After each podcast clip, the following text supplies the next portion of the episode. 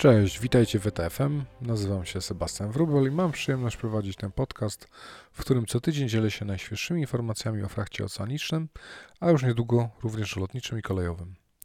Kim jestem i dlaczego to robię? Trochę więcej o tym wspomniałem w odcinku zerowym, jednak docierają do mnie sugestie, że za które bardzo dziękuję, że warto byłoby o tym wspomnieć na początku, więc dodaję. Zaczynałem swoją przygodę we frakcie oceanicznej w małej poznańskiej spedycji. Po krótkim romansie z dystrybucją krajową w innej dużej firmie było to dla mnie wręcz objawienie. Później dołączyłem do zespołu importu z Dalekiego Wschodu, czyli Far East Westbound w Kühnenagel, gdzie na koniec zajmowałem się rozwojem niszy związanej z transportem alkoholi. Nie, wcale nie wpłynęło to na ilość spożycia, ani na szansę degustacji. Po kilku latach dołączyłem do zespołu sprzedażowego frachtu oceanicznego w DB Schenker. Nazwy mojego stanowiska zmieniały się średnio co dwa lata i zdarzyło mi się również z DB Schenker odejść i wrócić. Pod koniec prawie dekady w tej organizacji miałem okazję prowadzić rozwój biznesu oceanicznego w regionie Europy Północno-Wschodniej, czyli od Islandii przez Zjednoczone Królestwo, Skandynawię, Prebałtykę aż po daleką Rosję. Również tam, czyli w DB Schenker, zdobyłem pierwsze doświadczenie w e-commerce, a konkretniej w Click and Collect, ale dzisiaj nie o tym. Uważam, że co nieco wiedzy o tym o frakcie oceanicznym zdobyłem i dlatego postanowiłem się tą wiedzą podzielić co niniejszym czynie i przyznam, że sprawia mi to coraz więcej frajdy.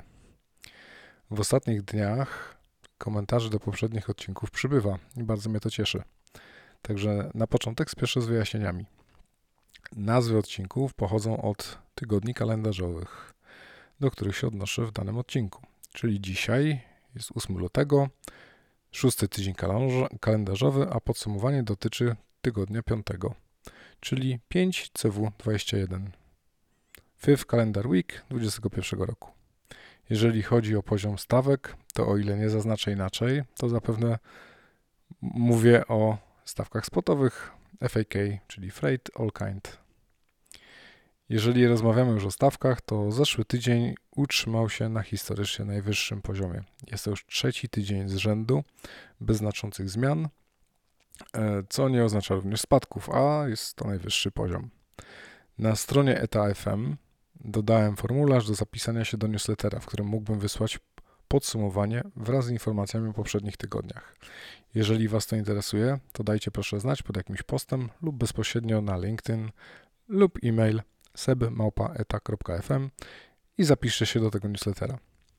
W dzisiejszym odcinku będę miał przyjemność rozmawiać z Dominikiem Landą z DCT Gdańsk. Porozmawiamy chwilę o historii terminalu, jak się rozwijał i jak wygląda ubiegły rok na tle poprzednich. Będziemy mieć również szansę się dowiedzieć, jak wygląda sytuacja z kongestią i jaki wpływ ma sytuacja w innych portach na to, co się dzieje w Gdańsku. Z ciekawostek, Alpha Liner policzył, ile kosztowałby dzień postoju wszystkich jednostek transpacyficznych czekających na wejście do portu w południowej Kalifornii. Jest tam ich aktualnie 29. I dzień postoju po aktualnych cenach czarterowych wyniósłby 1,5 miliona dolarów dziennie. Po wypowiedziach Dominika łatwo dojść do wniosku, że to nie wszystkie koszty związane z trudnymi sytuacjami w portach, jakie armatorzy ponoszą aktualnie codziennie. 28 stycznia, czyli jeszcze w tygodniu czwartym, nastąpił debiut giełdowy, giełdowy ZIM Integrated Shipping Lines. Firma sprzedała 14,5 miliona akcji z planowanych 17,5 po cenie 15 dolarów zamiast spodziewanych 16 do 19. Krótko po debiucie akcje spadły nawet do 11 dolarów, jednak na dzień dzisiejszy już się unormowały na, poziom, na poziomie debiutu. Nie jest to jednak dobra informacja dla innych firm z branży planujących debiut giełdowy. Pomimo historycznie najlepszych wyników operacyjnych, nastrój potencjalnych inwestorów nie jest hura optymistyczny, chociaż sama wycena ZIM wzrosła do 1,78 miliarda dolarów ze spodziewanych 1,5 na początku 2020 roku. A teraz zapraszam na rozmowę z Dominikiem. Cześć Dominik, witaj w podcaście ETFM.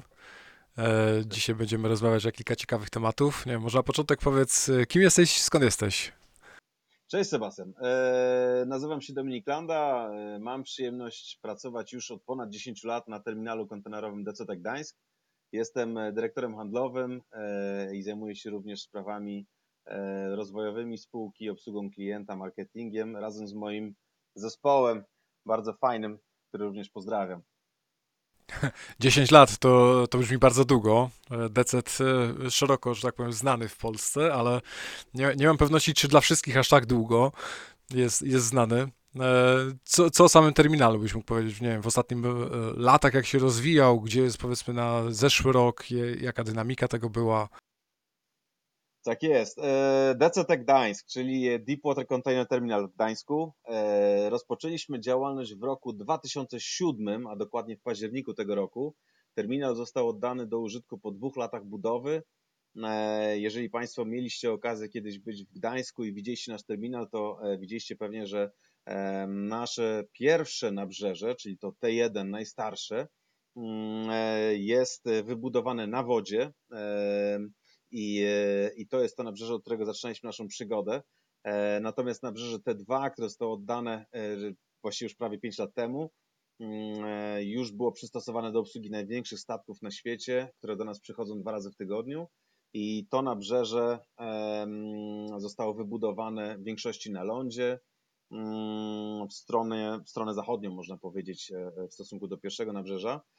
Terminal jako taki powstał, tak jak mówiliśmy już tutaj na plaży, notabene ciekawostka jest taka, że mm, powstał na plaży, e, która poprzednio według miejskiej legendy e, była plażą nudystów, także w tej chwili nudystów już u nas pracy nie ma, ale, ale absolutnie mm, absolutnie od tego momentu razem z ponad tysiącem kolegów i koleżanek prowadzimy działalność w porcie północnym.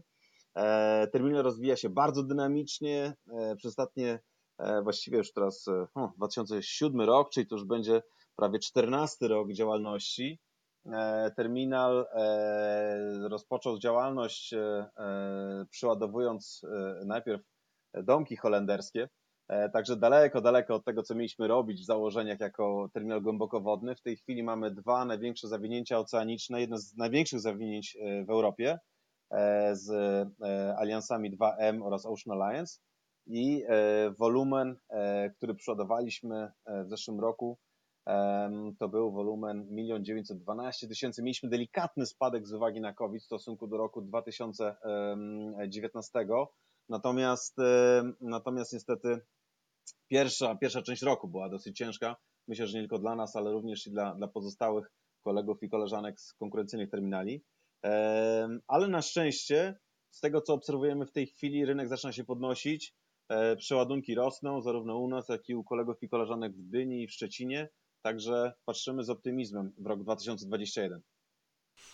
No właśnie, no te, te ilości. No, druga połowa roku dużo, dużo mocniejsza. I w tej chwili na świecie y, można zaobserwować wiele portów, w których wręcz y, nie, nie nadążają, że tak powiem, z obsługą statków i statki czekają nawet po dwa tygodnie na, na zawinięcie do portu. E, jak to u Was się przedstawia? Mhm. Tak jest. E, masz absolutnie rację. Wiesz, zeszły rok był bardzo, bardzo nietypowy dla wszystkich. E, po pierwsze, oczywiście pandemia e, COVID-19 spowodowała, iż pierwsza połowa roku była kompletnie inna od jakichkolwiek lat, jakie pamiętamy w biznesie morskim. Luty, marzec, produkcja w Chinach, można powiedzieć, prawie stanęła. Także to, co normalnie się działo w Europie i na całym świecie, czyli przyjmowanie ładunków przed chińskim Nowym Rokiem. Nagle to wszystko zaczęło bardzo gwałtownie hamować i e, nie tylko stanęły fabryki, nie tylko stanęły porty, ale również nawet dowóz do portów był niemożliwy, ponieważ trakerzy w Chinach po prostu nie mogli wyjechać z uwagi na restrykcje e, i e, przez, przez wiele, wiele tygodni ten stan się utrzymywał. My w DCT Gdańsk jako jedynym terminalu na Bałtyku, który faktycznie obsługuje zawinięcia dalekowschodnie E, bezpośrednie e, odczuliśmy to piersi, natomiast później rynek e, niestety również to zauważył i to, co się okazało, to wiesz, tak jak patrzyliśmy sobie na przyczyny tego stanu rzeczy, że w drugiej połowie nagle zaczęło być bardzo, bardzo, bardzo mocno, jeżeli chodzi o wolumen, to to, że według źródeł w każdym razie ponad 5 milionów TIU przesunęło się z pierwszej połowy roku na drugą połowę roku. I teraz e, sytuacja była dosyć ciekawa, ponieważ w pierwszej połowie roku, o ile jednostki, o ile, o ile cała flota kontenerowa była niewykorzystana, stawki frachtu morskiego poszły bardzo mocno w dół, o tyle w drugiej połowie roku, kiedy trzeba było przewieźć ten cały wolumen, który przyszedł z jednej połowy na drugą, okazało się, że brakuje statków, że brakuje kontenerów, że stawki frachtu morskiego idą bardzo, bardzo mocno do góry. E, armatorzy, którzy przez wiele, wiele lat byli wypuszczeni i zarabiali głodowe stawki na, e, na Dalekim Wschodzie, do Europy powiedzmy, e, w tej chwili mieli możliwość złapania wiatru w żagle i odrobienia tych strat. Pomógł jeszcze w tym bardzo bunkier, który był bardzo nisko. Ceny bunkru, czyli paliwa żeglugowego, były kilkukrotnie mniejsze niż w latach poprzednich, także jeden z podstawowych kosztów dla armatorów był bardzo, bardzo niski. E, natomiast przełożyło się to wszystko na olbrzymią presję e, na stronę e, podaży. Popyt był duży, podaż, że tak powiem, stała. W ramach COVID-u, czy w czasie tego COVID-u, armatorzy bardzo sceptycznie podchodzili do zamawiania nowego tonażu, nie, nie kupowali nowej floty kontenerów, nie uzupełniali tego wszystkiego, w związku z czym, kiedy już faktycznie okazało się, że popyt, popyt ruszył, tych statków dużo więcej się nie nabudowało. Właściwie w tej chwili według tych danych, które posiadam, e, e, flota, która nie jest wykorzystywana, to jest bodajże 2,5%, czyli ona jest na bardzo Bardzo, bardzo niska. Prawda? E, frachty oczywiście morskie, no to chyba nie trzeba Państwu mówić, że są na rekordowo wysokim poziomie. Dość powiedzieć, że sam indeks SFI właściwie poszedł w ostatnim kwartale zeszłego roku o ponad 347% do góry czyli e, e, stawki frachtu morskiego są chyba najwyższe w historii. E, jak rozmawiałem z jednym z zaprzyjaźnionych Bez precedensu. Chyba nigdy takich stawek nie miał. I jest to, jest to coś absolutnie nie, nie do pomyślenia, ponieważ no, przecież kiedyś, jeżeli fracht morski z Dalekiego Wschodu do, do Europy, powiedzmy do Gdańska, był w granicach 1500 dolarów, w tej chwili, jeżeli stawki dochodzą do 12 tysięcy, dolarów e, przy kosztach w sumie niezmienionych, no bo koszty, koszty bunkru poszły w dół, koszty czarteru jednostek poszły do góry, no to oznacza później, że wyniki e, linii żeglugowych są rekordowo wysokie. E, a na razie nie widać, żeby stawki frachtu chciały diametralnie spaść, także zobaczymy, co będzie po chińskim Nowym Roku. No, to jest stawki najwyższe, wyniki też już się pojawiają, także widać gdzieś tam po pierwszych armatorach, że naprawdę zyski są wysokie, e, aczkolwiek zadłużenie ich z poprzednich latach było tak wysokie, że powiedzmy większość z nich e, przewiduje na przeznaczenie tego na spłatę gdzieś tam, czy tam restrukturyzację nawet zadłużenia. E, bardzo ciekawa sytuacja w ogóle, to co, to, co miała miejsce. E, no ale wracając do decetu, a jak w tej chwili wygląda? Bo spiętrzenie ładunków jest, e, można powiedzieć na całym świecie bardzo duże.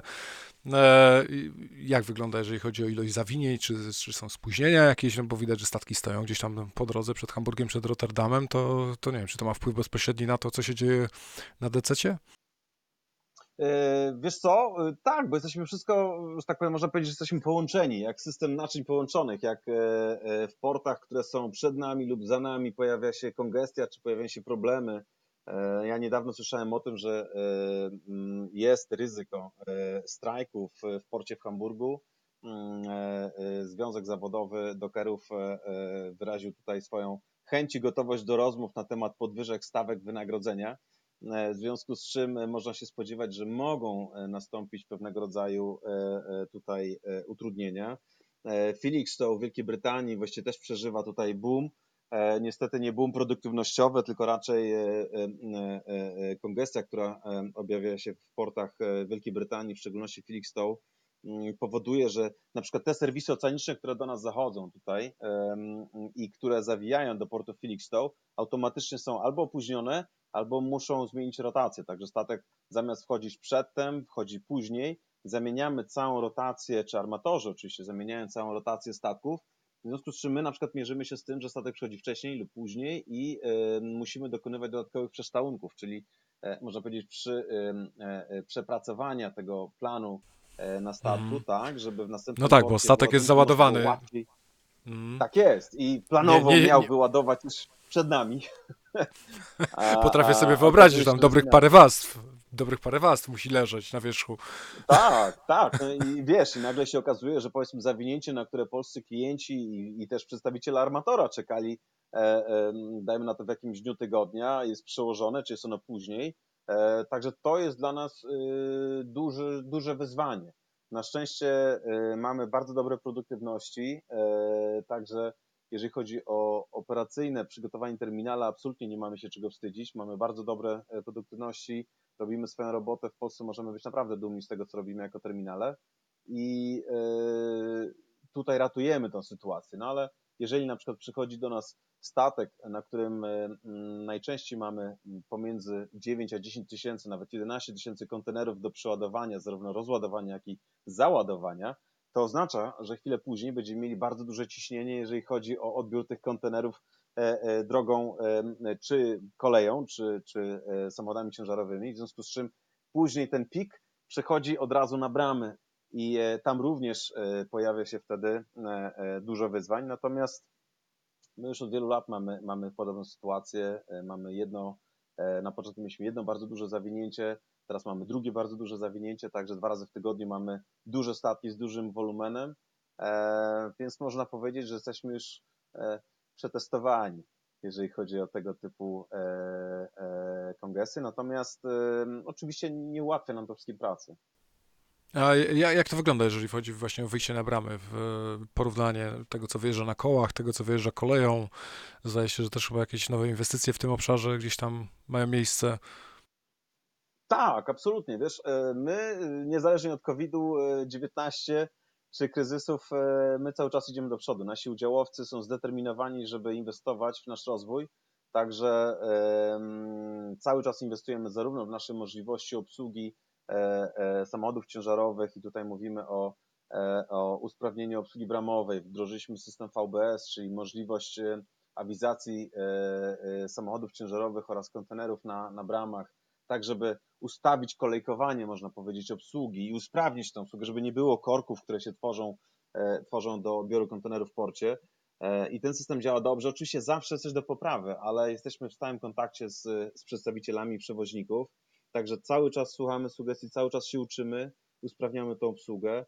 E, na kolei w tej chwili przechodzimy bardzo dużą e, modernizację. Otóż e, dodajemy trzy tory do obecnych czterech torów i wydłużamy wszystkie tory do 750 metrów, tak żebyśmy mogli obsługiwać najdłuższe składy, jakie są dopuszczone w Polsce. Na razie tylko na niektórych trasach, natomiast chcielibyśmy mieć możliwość obsługi jak najbardziej efektywnej, ponieważ intermodal e, w tej chwili to jest przyszłość. DCT ma być nie tylko bramą do Polski, ale również bramy do Europy Środkowo-Wschodniej. E, a tam jednak e, tym przeważającym środkiem transportu będzie transport kombinowany. No tak, mówisz Europa Środkowa-Wschodnia, to jakie kraje głównie tu masz na myśli, jeżeli chodzi o wyjście właśnie z portu do klientów, bądź też odwrotnie, od klientów do portu? Mhm. Znaczy, wiesz, my mm, swego czasu zrobiliśmy sobie takie badanie, gdzie moglibyśmy rozwijać naszą, e, czy gdzie moglibyśmy zaproponować naszym klientom ofertę, gdzie ona miałaby jak największy ekonomiczny sens. E, I e, w rozmowach z klientami, w rozmowach z armatorami, w rozmowach generalnie z, z szeroko pojętym biznesem, wyszło na to, że na pewno Czechy, szczególnie wschodnia część Czech, byłaby tą, która mogłaby skorzystać z naszych usług E, i te usługi moglibyśmy zaoferować naszym, naszym klientom z Czech. E, Słowacja, Białoruś e, czy zachodnia Ukraina to są wszystko te kraje, które mogłyby skorzystać poprzez to, że mamy w Gdańsku faktycznie dwa duże bezpośrednie zawinięcia, które są bardzo punktualne. Transit time z Gdańska, powiedzmy, do, do tych rejonów jest lepszy lub porównywalny z tym, co jest obecnie poprzez niektóre, niektóre porty. I e, wydaje nam się, że tutaj, e, tutaj można upatrywać e, przyszłość tego, co DCT będzie robiło. Mm, w związku z tym też nawiązaliśmy współpracę z panią Adelą Kureczkową. To jest osoba z dużym doświadczeniem w spedycji oraz w żegludze bliskiego zasięgu.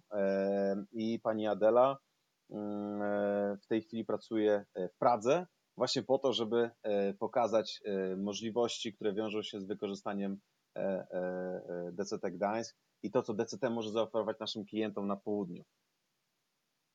No to fajnie, bo to jakby brzmi dumnie. Mnie to zawsze duma rozpiera, jak jesteśmy w stanie obsługiwać coś więcej oprócz polskiego rynku.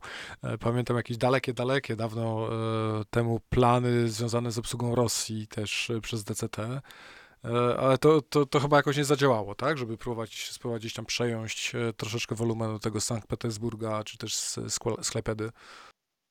E, wiesz co, generalnie my bardzo mocno rozwinęliśmy obsługę rynku rosyjskiego, natomiast jest to obsługa poprzez fidery, czyli poprzez tą sieć fiderową, którą armatorzy zarówno oceaniczni, jak i, jak i fiderowi oferują poprzez DCT Gdańsk.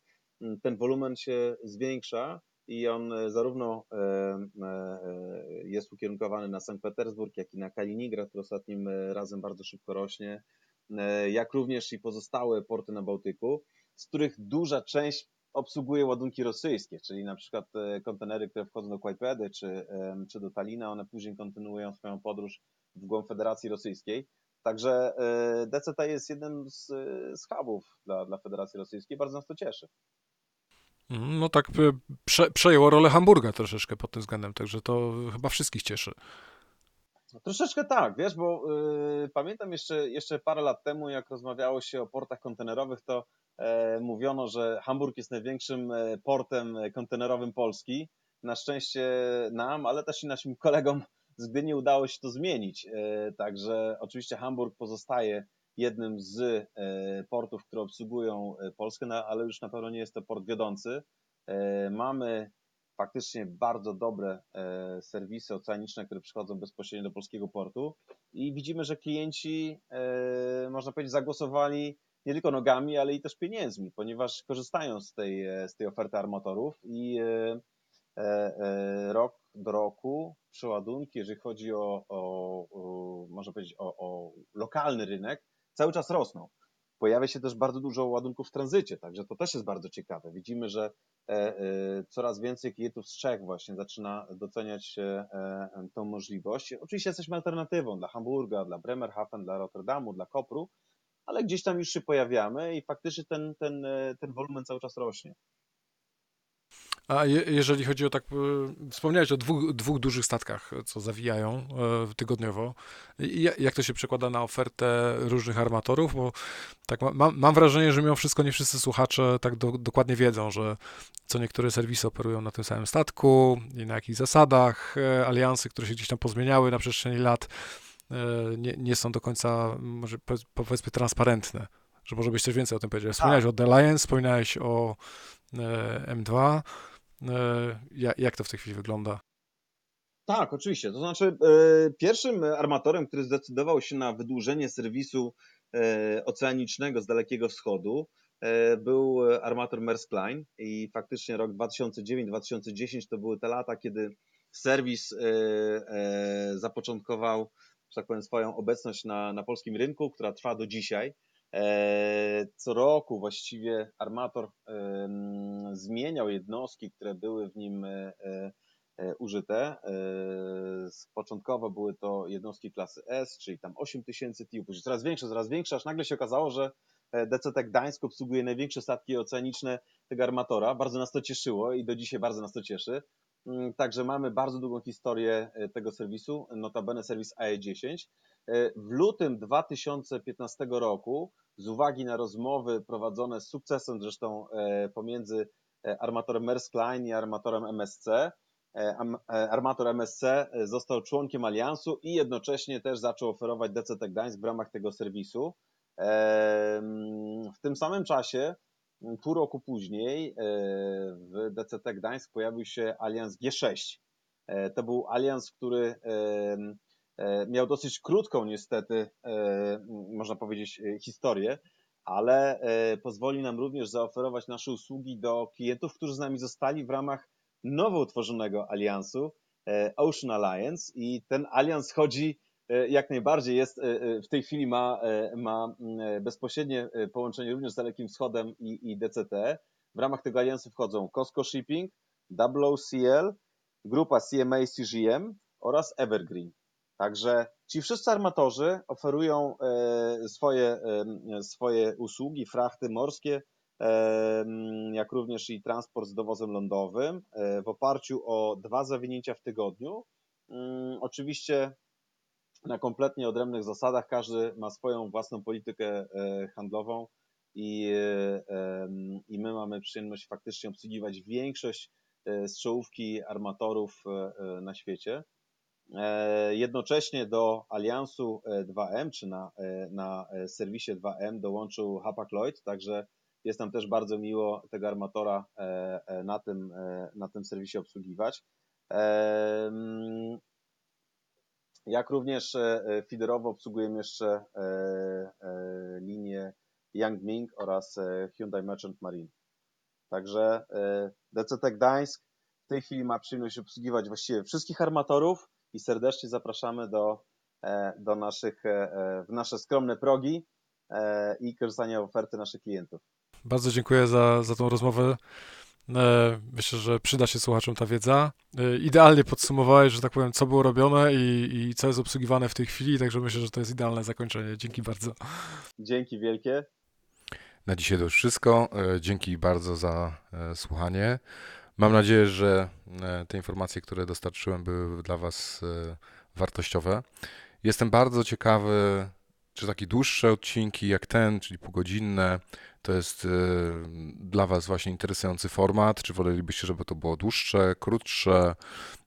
Wszystkie informacje, które możecie się ze mną podzielić, są dla mnie bardzo, bardzo wartościowe, dlatego śmiało piszcie do mnie na mailu e, lub na social media. E, Najbardziej aktywny jestem na LinkedIn, także e, zapraszam i dzięki za, za słuchanie.